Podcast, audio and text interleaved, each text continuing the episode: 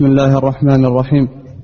والصلاة والسلام على أشرف الأنبياء والمرسلين نبينا محمد وعلى آله وصحبه أجمعين. اللهم اغفر لنا ولشيخنا ولجميع المسلمين.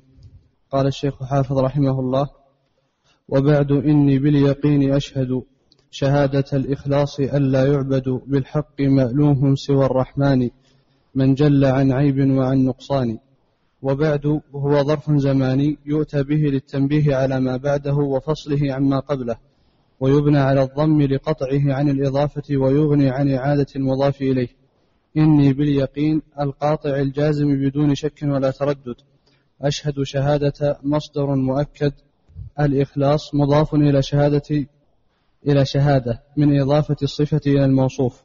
أن مخففة من الثقيلة واسمها ضمير الشأن مستكن والتقدير أنه والخبر لا يعبد بضم الياء وفتح الباء بالبناء للمفعول بالحق يتعلق بيعبد مألوه نائب الفاعل ليعبد ومعناه معبود سوى أداة استثناء بمعنى إلا الرحمن أي لا معبود بحق إلا الله عز وجل والتقييد بحق يخرج يخرج به الآلهة المعبودة بباطل فإنها قد عبدت. والمنفي هو استحقاق العبادة عن غير الله عز وجل لا وقوعها. وهذه هي شهادة أن لا إله إلا الله. ولما لم يمكن في النظم الإتيان بلفظها نظمتها بمعناها. وسيأتي إن شاء الله تعالى بسط القول في تفسيرها. من جل في صفات كماله ونعوت جلاله عن عيب وعن نقصان وهما لفظان مترادفان. فكل عيب يسمى نقصانا وكل نقصان يسمى عيبا. والله سبحانه وتعالى منزه عن ذلك كله. بل له الجلال المطلق والكمال المطلق في ذاته وأسمائه وصفاته وأفعاله. وأن خير خلقه محمدا من جاءنا بالبينات والهدى رسوله إلى جميع الخلق بالنور والهدى ودين الحق. وأشهد أن خير أفضل خلقه هاء الضمير يعود على الرحمن. محمدا بدل من خير أو عطف بيان ومعناه الكثير المحامد فهو أبلغ من محمود. من جاءنا بالبينات والهدى من عند الله عز وجل. هذه الجم هذه الجملة صلة صلة من؟ وهو محله النصب نعت لمحمد صلى الله عليه وسلم. والخبر رسوله الرسول بمعنى المرسل. وهو من أوحي إليه وأمر بالتبليغ. فإن أوحي إليه ولم يؤمر بالتبليغ فهو نبي فقط. فكل رسول نبي ولا عكس. فكل رسول نبي ولا عكس. هذا القول الأول في المراد بالرسول. لأهل العلم رحمهم الله تعالى في الفرق بين النبي والرسول أقوال. القول المشهور هو ما ذكره أن الرسول من أوحي إليه بشرع وأرسل به يعني أمر أن يبلغه. والنبي هو من أنبئ وأخبر بشرع وأوحي إليه به لكن لم يؤمر بتبليغه. شيخ الإسلام رحمه الله تعالى في كتاب النبوات اختار معنى لعله الأظهر والله تعالى أعلم في المراد بالرسول وفي المراد بالنبي. اختار أن الرسول هو من بعث إلى قوم مخالفين كفار. أما النبي فإنه من بعث مجددا لرسالة نبي قبله واستدل بأدلة على ما اختاره رحمه الله تعالى. قال إن القرآن دل على أن النبي يرسل. القول الأول أن النبي أوحي إليه بشرع ولم يؤمر بتبليغه يعني لم لم يرسل به. يقول قال الله عز وجل ما أرسلنا من قبلك من رسول ولا نبي إلا إذا تمنى ألقى الشيطان في أمنيته الآية. قال فذكر إرسالا يعم النوعين. ما أرسلنا من قبلك من رسول ولا أي ولا أرسلنا من قبلك من نبي إلا إذا تمنى الآية. فدل على أن النبي يرسل والقول بأنه يؤمر بوحي بأنه يوحى إليه بوحي ولا يؤمر بتبليغه يشكل عليه قوله تعالى هنا وما أرسلنا من قبلك من رسول ولا نبي إلا إذا تمنى. فدل على أن النبي يرسل وأن الرسول يرسل. إذا ما الفرق؟ الفرق في من يرسل إليه كل واحد منهم. فإن أرسل إلى مخالفين فهو رسول. فموسى رسول لأنه أرسل إلى مخالف كافر وهو فرعون. محمد صلى الله عليه وسلم رسول سيد المرسلين صلوات الله وسلامه عليه وعليهم أجمعين لأنه أرسل إلى قوم مخالفين. يقول أما إذا أرسل إلى أناس مؤمنين فإنه يسمى نبيا. واستدل بقول الله تعالى إنا أنزلنا التوراة والتوراة نزلت على موسى وموسى رسول. إنا أنزلنا التوراة فيها هدى ونور يحكم بها النبيون. قال فكان بنو أنبياء بني إسرائيل يحكمون بشريعة موسى. بدلالة قوله يحكم بها النبيون. يعني يحكمون بالتوراة شريعة موسى. قال رحمه الله فدل على أن الفارق هو في كون الذين أرسل إليهم كفار فيكون المبعوث هذا رسولا أو أن يكون نبيا يجدد من درس من أو يجدد رسالة من قبله.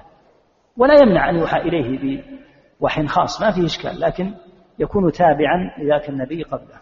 واستدل بهذه الآية وهي آية قوية دالة على أن الأنبياء يتبعون أن أنبياء بني إسرائيل يتبعون موسى صلوات الله وسلامه عليه.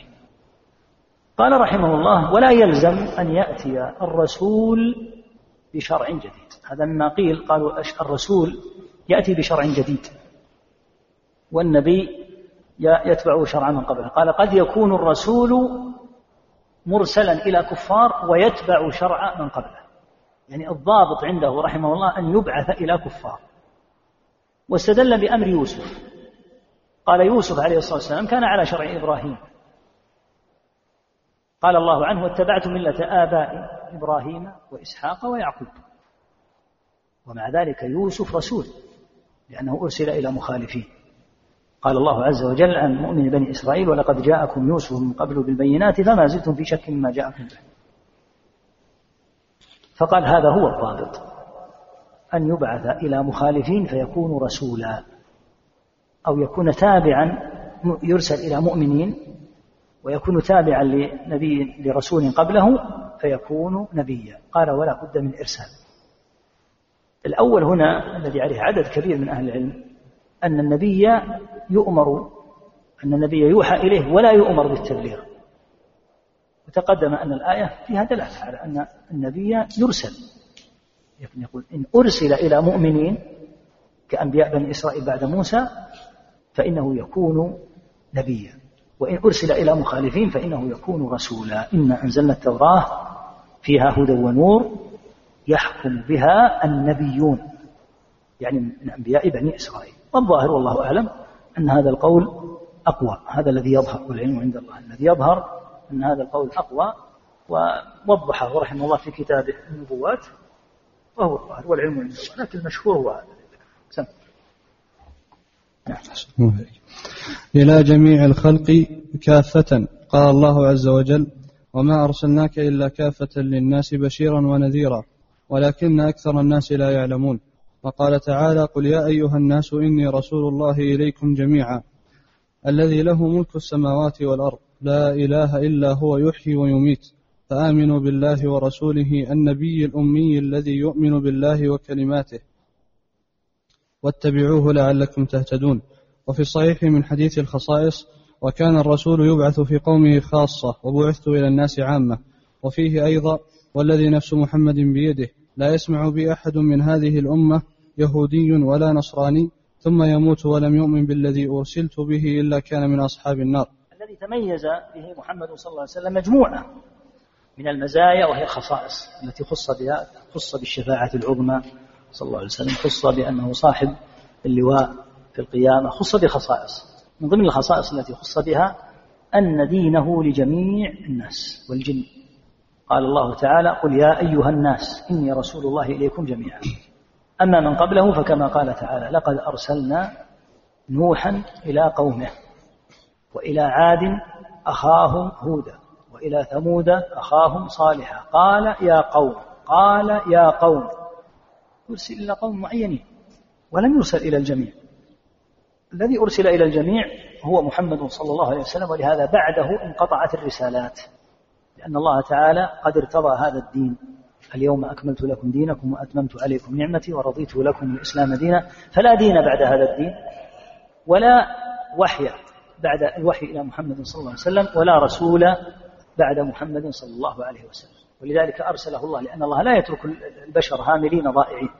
أرسله برسالة عامة تصلح لأبيضهم وأسودهم وجنهم وإنسهم وفي جميع الأحوال وفي جميع الظروف الرب سبحانه وتعالى يعلم ولا يعزب عنه مثقال ذرة أن الناس سيكون من شأنهم أنه ستصل الاتصالات إلى هذا الحد وأنه سيكون هناك شعوب لم تعرف وستفتح بلاد يعثر على بلاد لم تكن معروفة في السابق. كان يحول بينها البحار. كل كل هذه لا تخفى على رب العالمين وليس للبشرية بتاتا أي دين يصلح إلا الإسلام. ومن لقي الله تعالى بغير هذا الدين فإنه عاقب خاسر هالك. ومن يبتغي غير الإسلام دينا فلن يقبل منه حتى لو ادعى أنه على دين نبي قبله.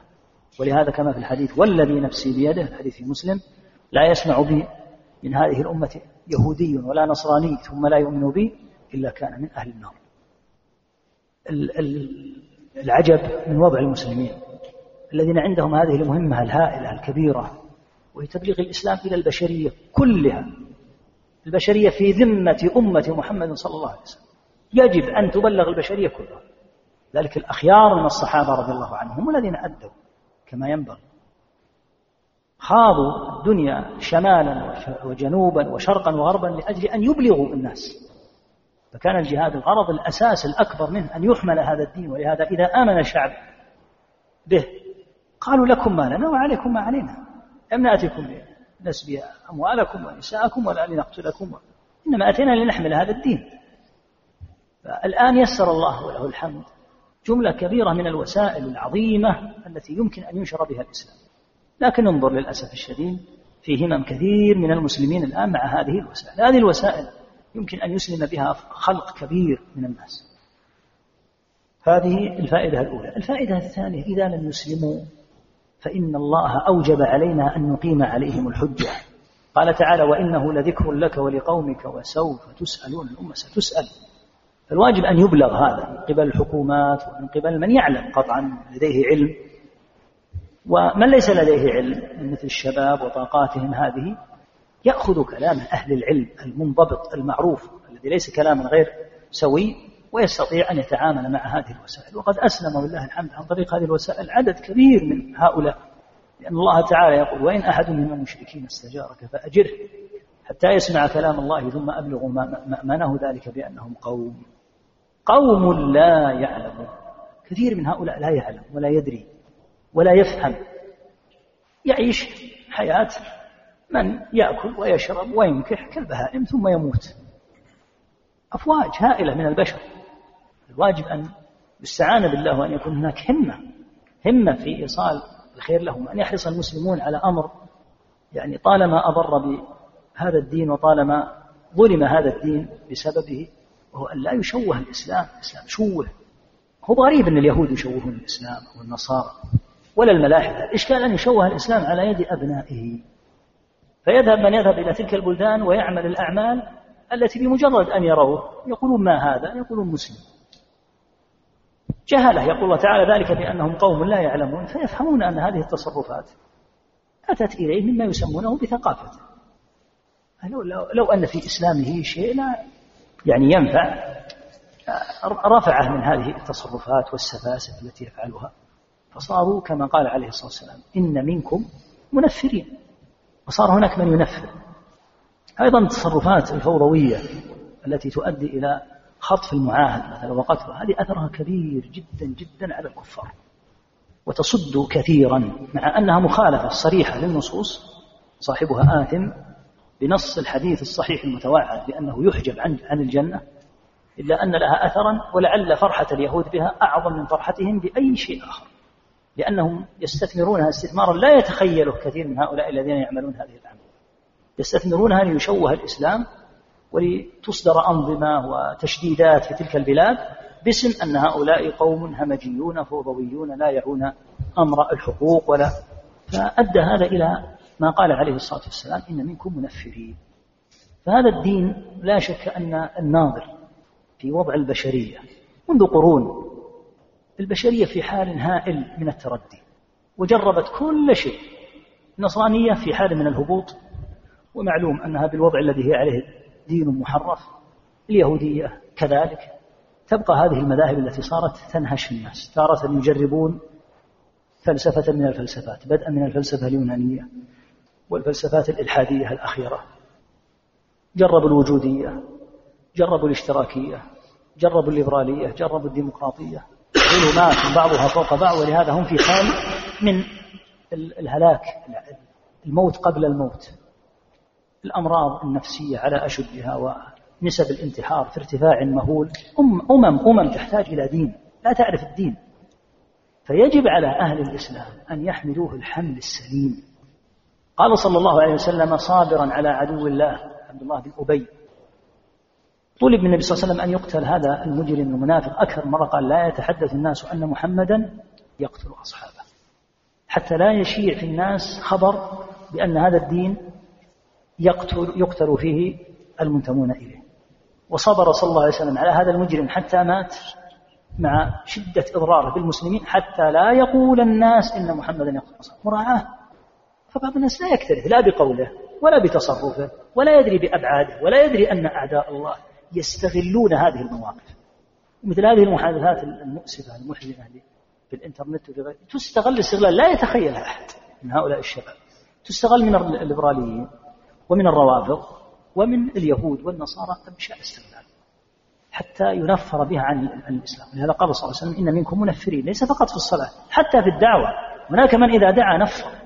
ولهذا بعض الناس لو أنه بقي في بيته ولزم مسجده وصار يقرأ القرآن ويلزم بر والديه ويترك الدعوة لكان الأجر والثواب له فيها لأن ضرره على الدعوة كبير جدا من حيث لا يشعر. بهذه التصرفات التي أضرت بالسنة وجعلت مفاهيم الشرع العظيمة كالجهاد وكالسلف الصالح جعلتها مفاهيم موحشة وفوضوية في العالم. بما أدى إلى شيء من النفرة عنها. ليس من قبل الأعداء والمحاربين بل حتى من قبل السطحيين والسذج. الحاصل أن هذا الأمر يوجب على الأمة أن تعيد النظر في حساباتها في الضعف هذا في الدعوة إلى الله. وفي السوء الحاصل من التنفير بالدخول في الدعوة من قبل من لا يفقهها ولا يعرف طريقتها أن هذا الدين يعلم اليهود والنصارى والملاحدة كلهم أنه لا يوجد دين الآن على وجه الأرض الآن حتى في الإحصائيات العالمية لا يوجد دين مع هذا الظلم العظيم للإسلام من قبل أبنائه القاطعين الذين أساءوا إليه ومن قبل وسائل الإعلام المنفرة. الدين الذي ينتشر في الأرض أكبر من أي دين هو الإسلام. قال صلى الله عليه وسلم لا يزال الله يغرس لهذا الدين غرسا. مو من نباهة فلان الداعية أو من نباهة الجهود. هذا شيء يغرسه الله تعالى لأن الله جعل هذا الدين جعله سبحانه وتعالى رضية للعالمين. فهو الذي يتولى سبحانه وتعالى نصره وتأييده. لكن الإشكال في مثل هذا التنفير. وفي من هذه التصرفات التي تضر بالإسلام ضررا بالغا من حيث لا يدري هذا المتصرف أن تصرفه يضر بالدعوة إلى الله تعالى ويحجب أناسا كثيرين عن مجرد التفكير بالدخول في الإسلام واعتناقه أو مجرد شراء كتاب ليقرأه ويتعرف به عن الإسلام. فالواجب على الأمة أن ترفع هذا الدين الذي رفعه الله رفعه الله عز وجل به وأن تعي وتفهم الحال الذي يجب أن تكون عليه الدعوة إلى الله حتى يدعى على بصيرة مثل ما تقدم في حديث عروة قبل قليل. لما فهم رضي الله عنه من الآية فهما ما ذهب ينشر في الناس؟ أتى إلى أم المؤمنين وسألها يعني من كان عنده سؤال استفسار؟ يرجع إلى أهل العلم. قال الله تعالى فاسألوا أهل الذكر. إن كنتم لا تعلمون ويقول تعالى وفوق كل ذي علم عليم قد تسأل عالما ولا يجيبك ويحيلك إلى من هو أعلم. فالواجب أن يتقى الله عز وجل في أمر هذا الدين وأن يتفطن في العواقب. أهل العلم يتحدثون عن شيء يسمى المآلات. المآل يعني الشيء الذي سيصل إليه تصرفك هذا. ماذا سيكون من أبعاد تصرف؟ كثير من الناس الآن يقول أقوالا ويفعل أفعالا لا يفكر في المآل. في لحظة تلك يريد أن يقول تلك الكلمة وكفى. وبعد ذلك الكلام في المآلات. إلى أي شيء ستؤدي هذه الكلمة إلى أي شيء سيؤدي هذا التصرف. الواجب أن يتقى الله وأن يعلم أن هذه الأمانة في رقاب الأمة يجب علينا جميعا أن نتقي الله ولا نكون سببا في تنفير الناس عنه. نعم. من نور المبين وهو القرآن الذي قال الله عز وجل فيه يا أيها الناس قد جاءكم برهان من ربكم وأنزلنا إليكم نورا مبينا. وقال تعالى وكذلك أوحينا إليك روحا من أمرنا. ما كنت تدري ما الكتاب ولا الإيمان. ولكن جعلناه نورا نهدي به من نشاء من عبادنا وإنك لتهدي إلى صراط مستقيم صراط الله. الآية وقال تعالى فآمنوا بالله ورسوله والنور الذي أنزلنا وغير ذلك من الآيات. والهدى الإرشاد والدلالة إلى الصراط المستقيم. ودين الحق الإسلام الذي لا يقبل الله تعالى من أحد غيره. قال الله عز وجل هو الذي أرسل رسوله بالهدى ودين الحق ليظهره على الدين كله ولو كره المشركون. وكل من القرآن والرسول والإسلام يسمى نورا وهدى وصراطا مستقيما. هذه فائدة مفيدة جدا لطالب العلم. الإسلام والقرآن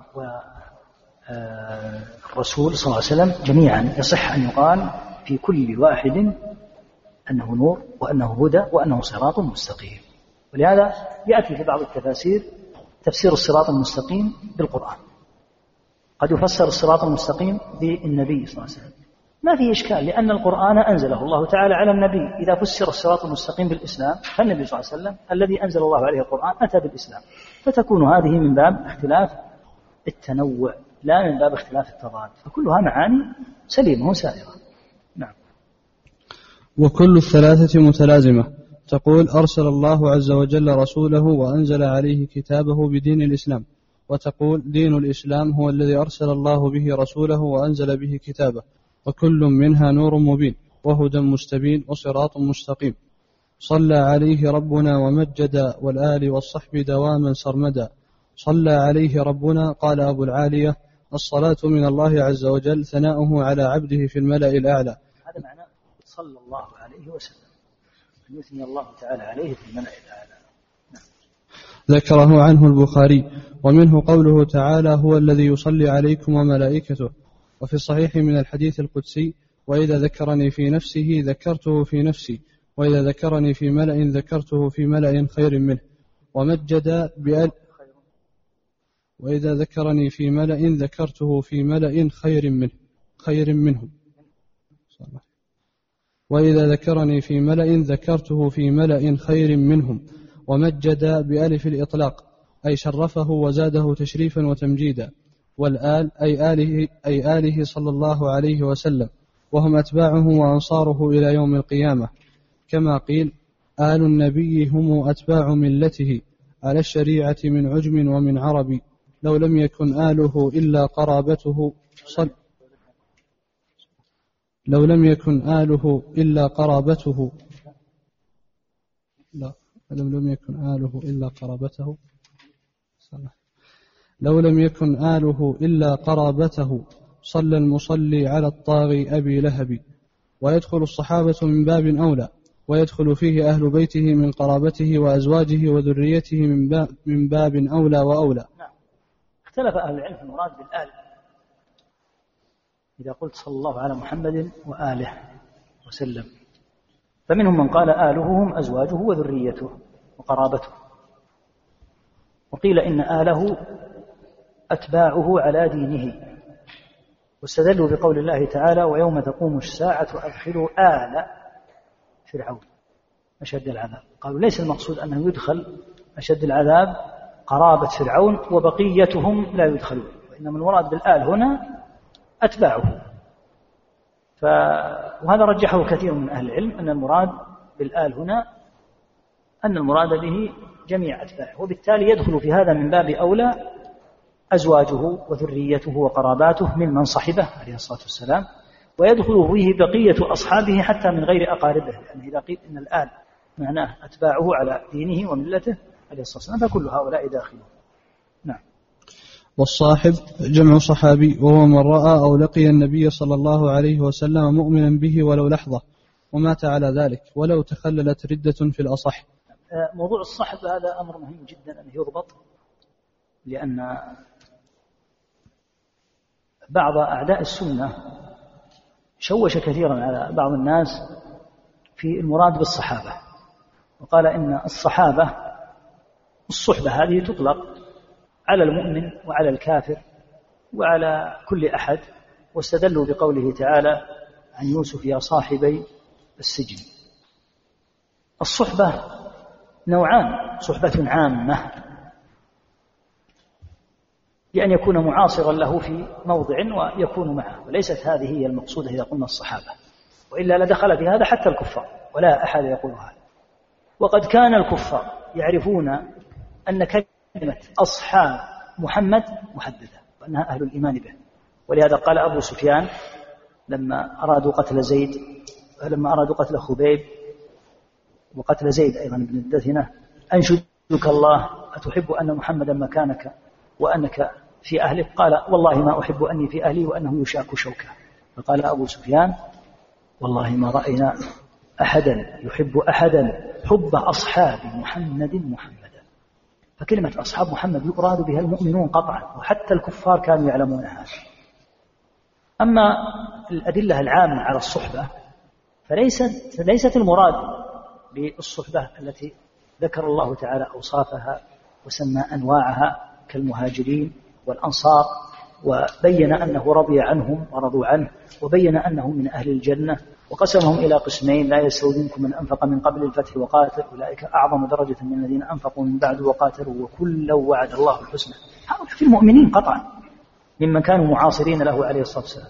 لكن هؤلاء الروافض وأبواقهم أرادوا أن يوجدوا شوشرة حول معنى الصحبة حتى يقال إن الصحبة تشمل حتى أبا جهل.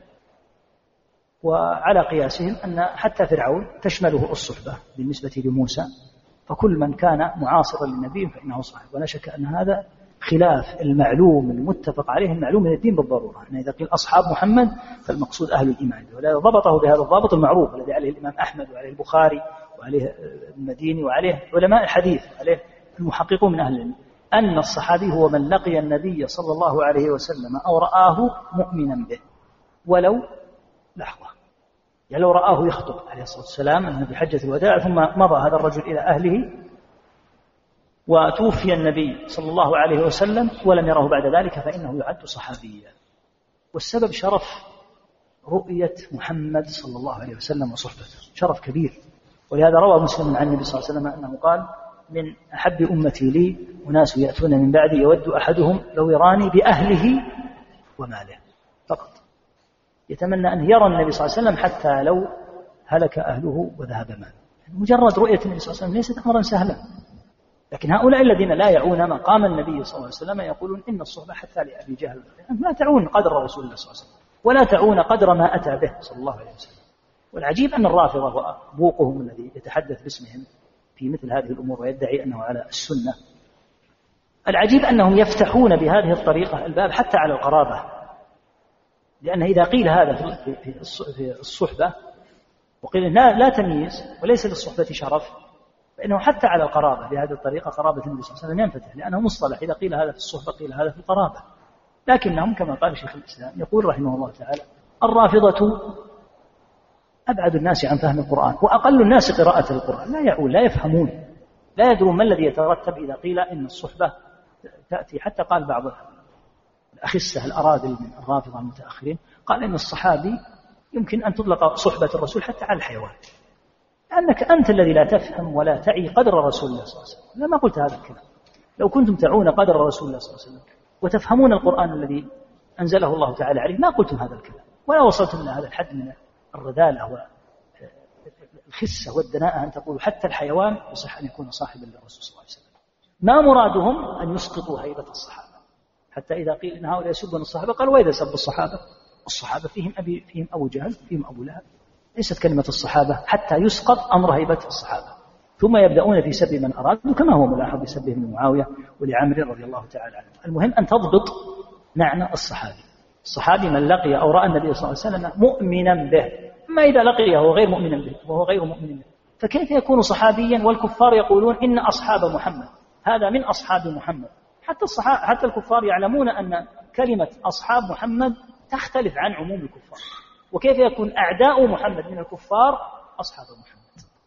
لكن كما قال شيخ الإسلام رحمه الله لما رد على ابن المطهر وذكر ابن المطهر أن أبا بكر قتل المؤمنين من بني حنيفة. قال شيخ الإسلام رحمه الله بنو حنيفة مؤمنون وهم يدعون أن مسيلمة رسول. ثم قال رحمه الله لكن الرافضة بهائم. صدق رحمه الله.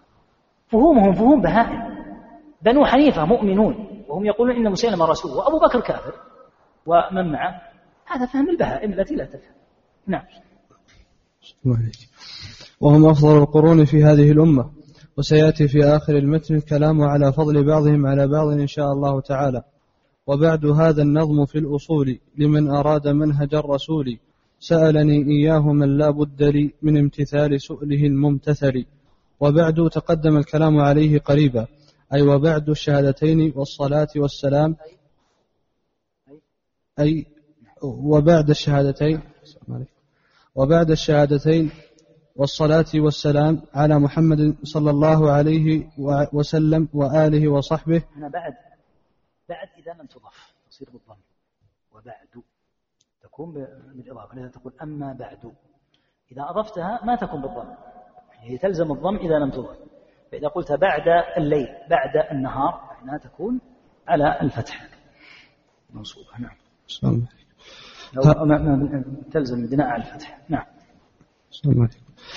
هذا النظم الألف واللام للعهد الحضوري موضوعه في الأصول والمراد بها هنا أصول الدين من الإيمان بالله عز وجل وأسمائه وصفاته وملائكته وكتبه ورسله. واليوم الآخر وبالقدر خيره وشره. وأركان الإسلام الشهادتين. وأركان الإسلام أش... عندي يا شيخ الشهادتين. أركان معطوف على ما قبله. أركان بالكسر. الشهادتين بدل منه. عندي شيخ هذا, هذا في الأصول. من الإيمان بالله وأسمائه وملائكته والقدر خيره وأركان الإسلام الشهادتين والصلاة والزكاة. بدل. وأنا عندي شيخ حط الصلاة والزكاة والصوم هذا فرق الدليل على هذا تثنية الشهادتين نعم.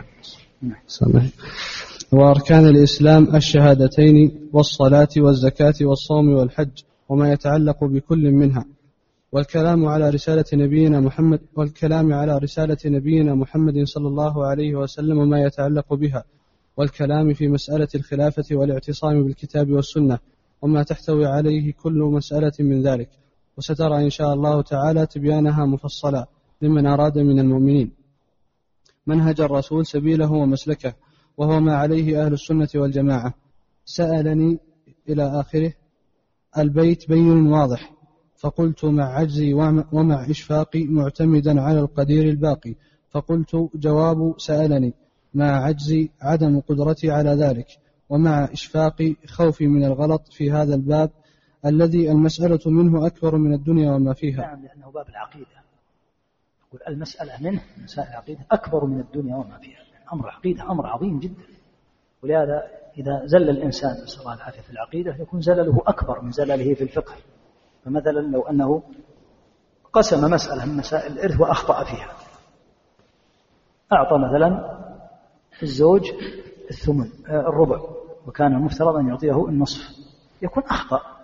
خطأ لكن لو أنه قال بقول المرجئة في الإيمان أو بقول الجهمية في الأسماء والصفات أو بقول الرافضة في الصحابة رضي الله عن الصحابة يكون زللا كبيرا جدا. يقول المسألة الواحدة من مسائل العقيدة أكبر من الدنيا وما فيها. هذا جاء وليس معنى ذلك التسهيل في الخطأ في الفقه لا. لكن الأمر في خطأ الفقه ليس كالخطأ في العقيدة. لهذا قال الشافعي رحمه الله تناظروا في أمر إذا أخطأ فيه أحدكم قيل له أخطأت. ولا تناظروا في أمر إذا أخطأ أحدكم فيه قيل كفرت. ولأن بعض الأحيان يكون الخطأ في مسائل الاعتقاد يؤدي إلى قول كفري يقول انتبه لهذا الأمر الخطأ في مسائل الفقه وإن كان ليس بصواب ولا بسليم ولا يسهل من أمره لكن الخطأ في مسائل الفقه أيسر من الخطأ في مسائل الاعتقاد. نسأل الله العفو والعافية. نعم. وذلك لقصر باعي وقلة, وقلة اطلاعي والذي قوى عزمي على ذلك هو كوني معتمدا أي متوكلا على القدير الذي لا يعجزه شيء في السماوات ولا في الأرض الباقي الذي كل شيء هالك إلا وجهه له الحكم وإليه ترجعون. ومن يتوكل على الله فهو حسبه وما توفيقي إلا بالله عليه توكلت وإليه أنيب ولا حول ولا قوة إلا بالله العلي العظيم. اعلم بأن الله جل وعلا لم يترك الخلق سدى وهملا بل خلق الخلق ليعبدوه وبالإلهية يفردوه. اعلم كلمة يؤتى بها للاهتمام وللحث على تدبر ما بعدها والخطاب بها في هذا الموضع لكل المكلفين بأن الله جل شأنه وتنزه عن كل نقص وعلى بكل معاني العلو. لم يترك, لم يترك الخلق سودا ولا هملا أي لا يأمرهم ولا ينهاهم في الدنيا ولا يبعثهم فيجازيهم في الآخرة لأنه تعالى ما خلقهم إلا بالحق لا عبث ولا باطلا بل لحكمة بالغة يستحق عليها الحمد.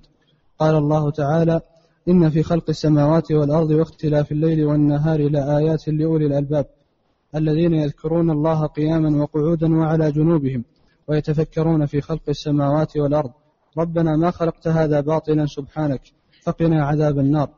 ربنا ما خلقت هذا أي الخلق باطلا لا بل بالحق ليجزي الذين أساءوا بما عملوا ويجزي الذين أحسنوا بالحسنى. ثم نزهوه عن العبث وخلق الباطل فقالوا سبحانك أي عن أن تخلق شيئا باطلا تباركت وتعاليت. وقال تعالى خلق السماوات والأرض بالحق تعالى عما يشركون. خلق الإنسان من نطفة فإذا هو خصيم مبين. يخبر تعالى عن خلقه العالم العلوي وهو السماوات بما حوت والعالم السفلي وهو الأرض بما حوت. وإن ذلك مخلوق بالحق لا للعبث. ثم ثم نزه تعالى نفسه عن شرك من عبد معه غيره.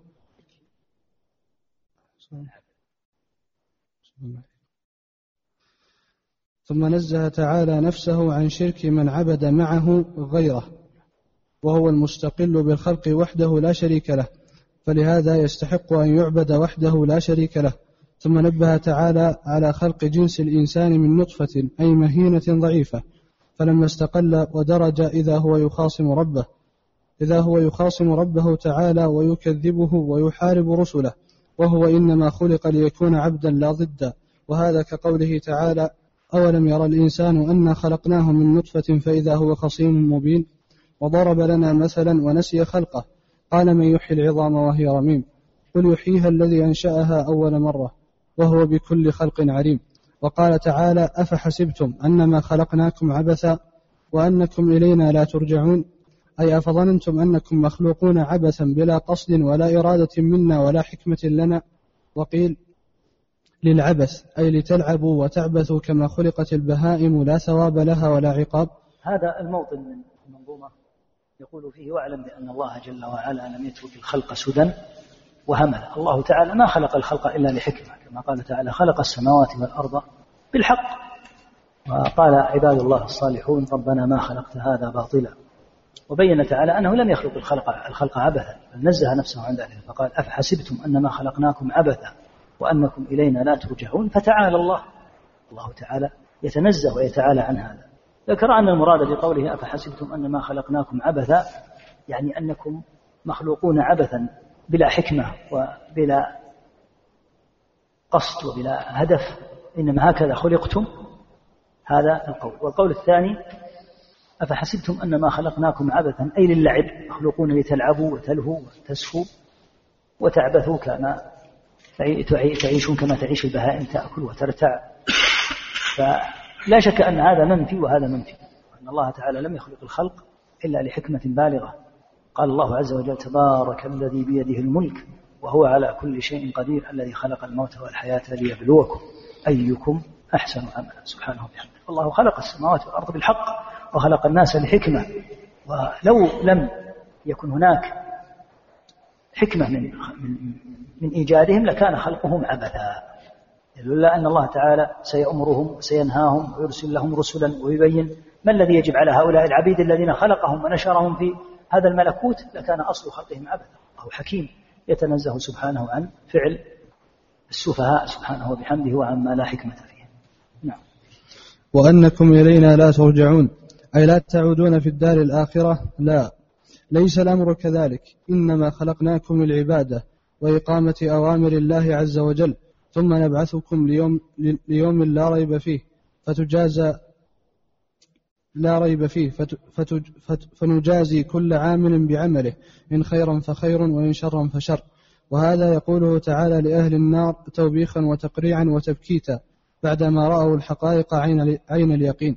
ثم قال تعالى منزها نفسه عما حسبوه فتعالى الله الملك الحق أي تقدس أن يخلق شيئا عبثا فإنه الملك الحق المنزه عن ذلك. لا إله إلا هو رب العرش الكريم. وقال تعالى وما خلقنا السماء والأرض وما بينهما باطلا. ذلك ظن الذين كفروا فويل للذين كفروا من النار.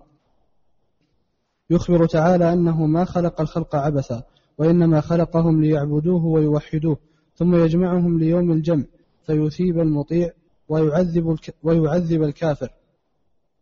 وليس الأمر كما يظنه الذين كفروا الذين لا يرون بعثا ولا معادا وإنما يعتقدون هذه الدار فقط. فويل للذين كفروا من النار. أي ويل لهم يوم معادهم ونشورهم من النار المعدة لهم. ثم بين تعالى أنه عز وجل من عدله وحكمته لا يساوي بين المؤمنين والكافرين. فقال تعالى أم نجعل الذين آمنوا وعملوا الصالحات كالمفسدين في الأرض؟ أم نجعل المتقين كالفجار؟ أي لا نفعل لا أي لا نفعل ذلك ولا يستوون عند الله. وإذا كان الأمر كذلك فلا بد من دار أخرى يثاب فيها هذا المتقي ويعاقب هذا الفاجر. قال ابن كثير رحمه الله تعالى وهذا الإرشاد يدل على العقول السليمة. وهذا الإرشاد يدل على العقول السليمة. والفطر عندي شيخ على العقول السليمة.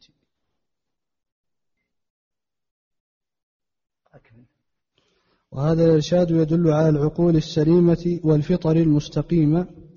مستقيمة. كم من بعد؟ على أنه لا بد الأولى ما لها وجه. الأولى ما لها وجه. إيه. وهذا الإرشاد يدل العقول السليمة والفطر المستقيمة على زائدة. يعني تكون على العقول؟ لا وهذا الإرشاد يدل العقول. اي نعم.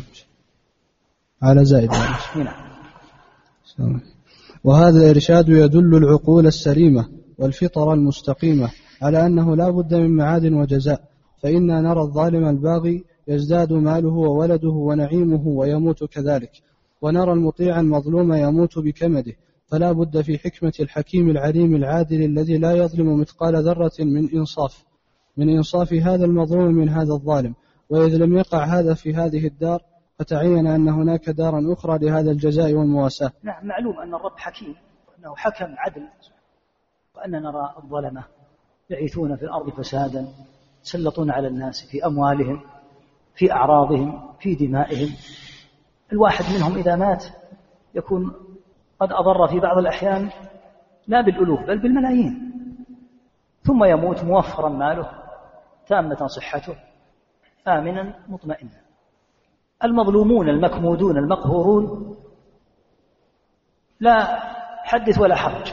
هذا فجع في ماله وهذا فجع في نفسه وهذا فجع في عرضه. وهذا شرد وهذا أهين وهذا عذب. ثم يموت هذا ويموت هذا. ولم ينصف المظلوم من الظالم في الدنيا. وإن كان الله تعالى قد ينصف في بعض الأحيان المظلوم من الظالم. لكن الله سمى الآخرة بيوم الدين يوم الجزاء. فتجتمع تلك الخلائق عند ربها سبحانه وتعالى ليجازي كل أحد بما عمل فلولا أن الله سيبعثهم لكان خلقهم من أساسه عبثا. والله تعالى يتنزه عن هذا ولا يترك سبحانه وتعالى مثقال ذرة بل الدواوين في الآخرة ثلاثة. ديوان المظالم ثلاثة دواوين. الديوان الأول عياذا بالله الظلم الأكبر وهو الشرك. هذا قد أيس صاحبه من رحمة الله تعالى. الديوان الثاني ظلم العبد لنفسه فيما قد يقع منه من بعض الأمور فهذا مما يعفو الله تعالى عنه. ما لم يصل إلى الكبائر. الديوان الثالث ظلم العباد بعضهم لبعض. هذا لا يتركه الله سبحانه ولهذا أول ما يقضى بين الخلائق في الدماء أول ما يبدأ مباشرة في الدماء لعظم أمر الدماء الذي صار أمرها أسهل عند بعض الناس من شربة الماء. أول ما يبدأ في الدماء بفظاعة الظلم في الدماء. قال الشافعي رحمه الله وجدنا الدماء أعظم ما عصي الله به بعد الشرك. أعظم شيء يمكن أن تظلم به بعد الشرك الأكبر هو الدم الذي استسهله الناس. حتى قال صلى الله عليه وسلم يأتي على الناس زمان لا يدري القاتل فيما قتل ولا المقتول فيما قتل. فوضى نسأل الله العافية. حتى القاتل ما عنده سبب وجيه للقتل. والمقتول قتل لا يدري ما الجرم الذي أجرمه. أفيتركهم الحكيم العليم الذي تمت كلمته صدقا وعدلا لا والله لا يتركون. وإلا لو كانوا سيتركون ولا يبعثون لكان أصلهم عبثا والله تعالى يتنزه عن العبث سبحانه نعم. وقال تعالى أولم يتفكروا في أنفسهم ما خلق الله السماوات والأرض وما بينهما إلا بالحق وأجل مسمى؟ يقول تعالى منبها على التفكر في مخلوقاته الدالة على وجوده وانفراده بخلقها وأنه لا إله غيره ولا رب سواه. فقال تعالى أولم يتفكروا في أنفسهم؟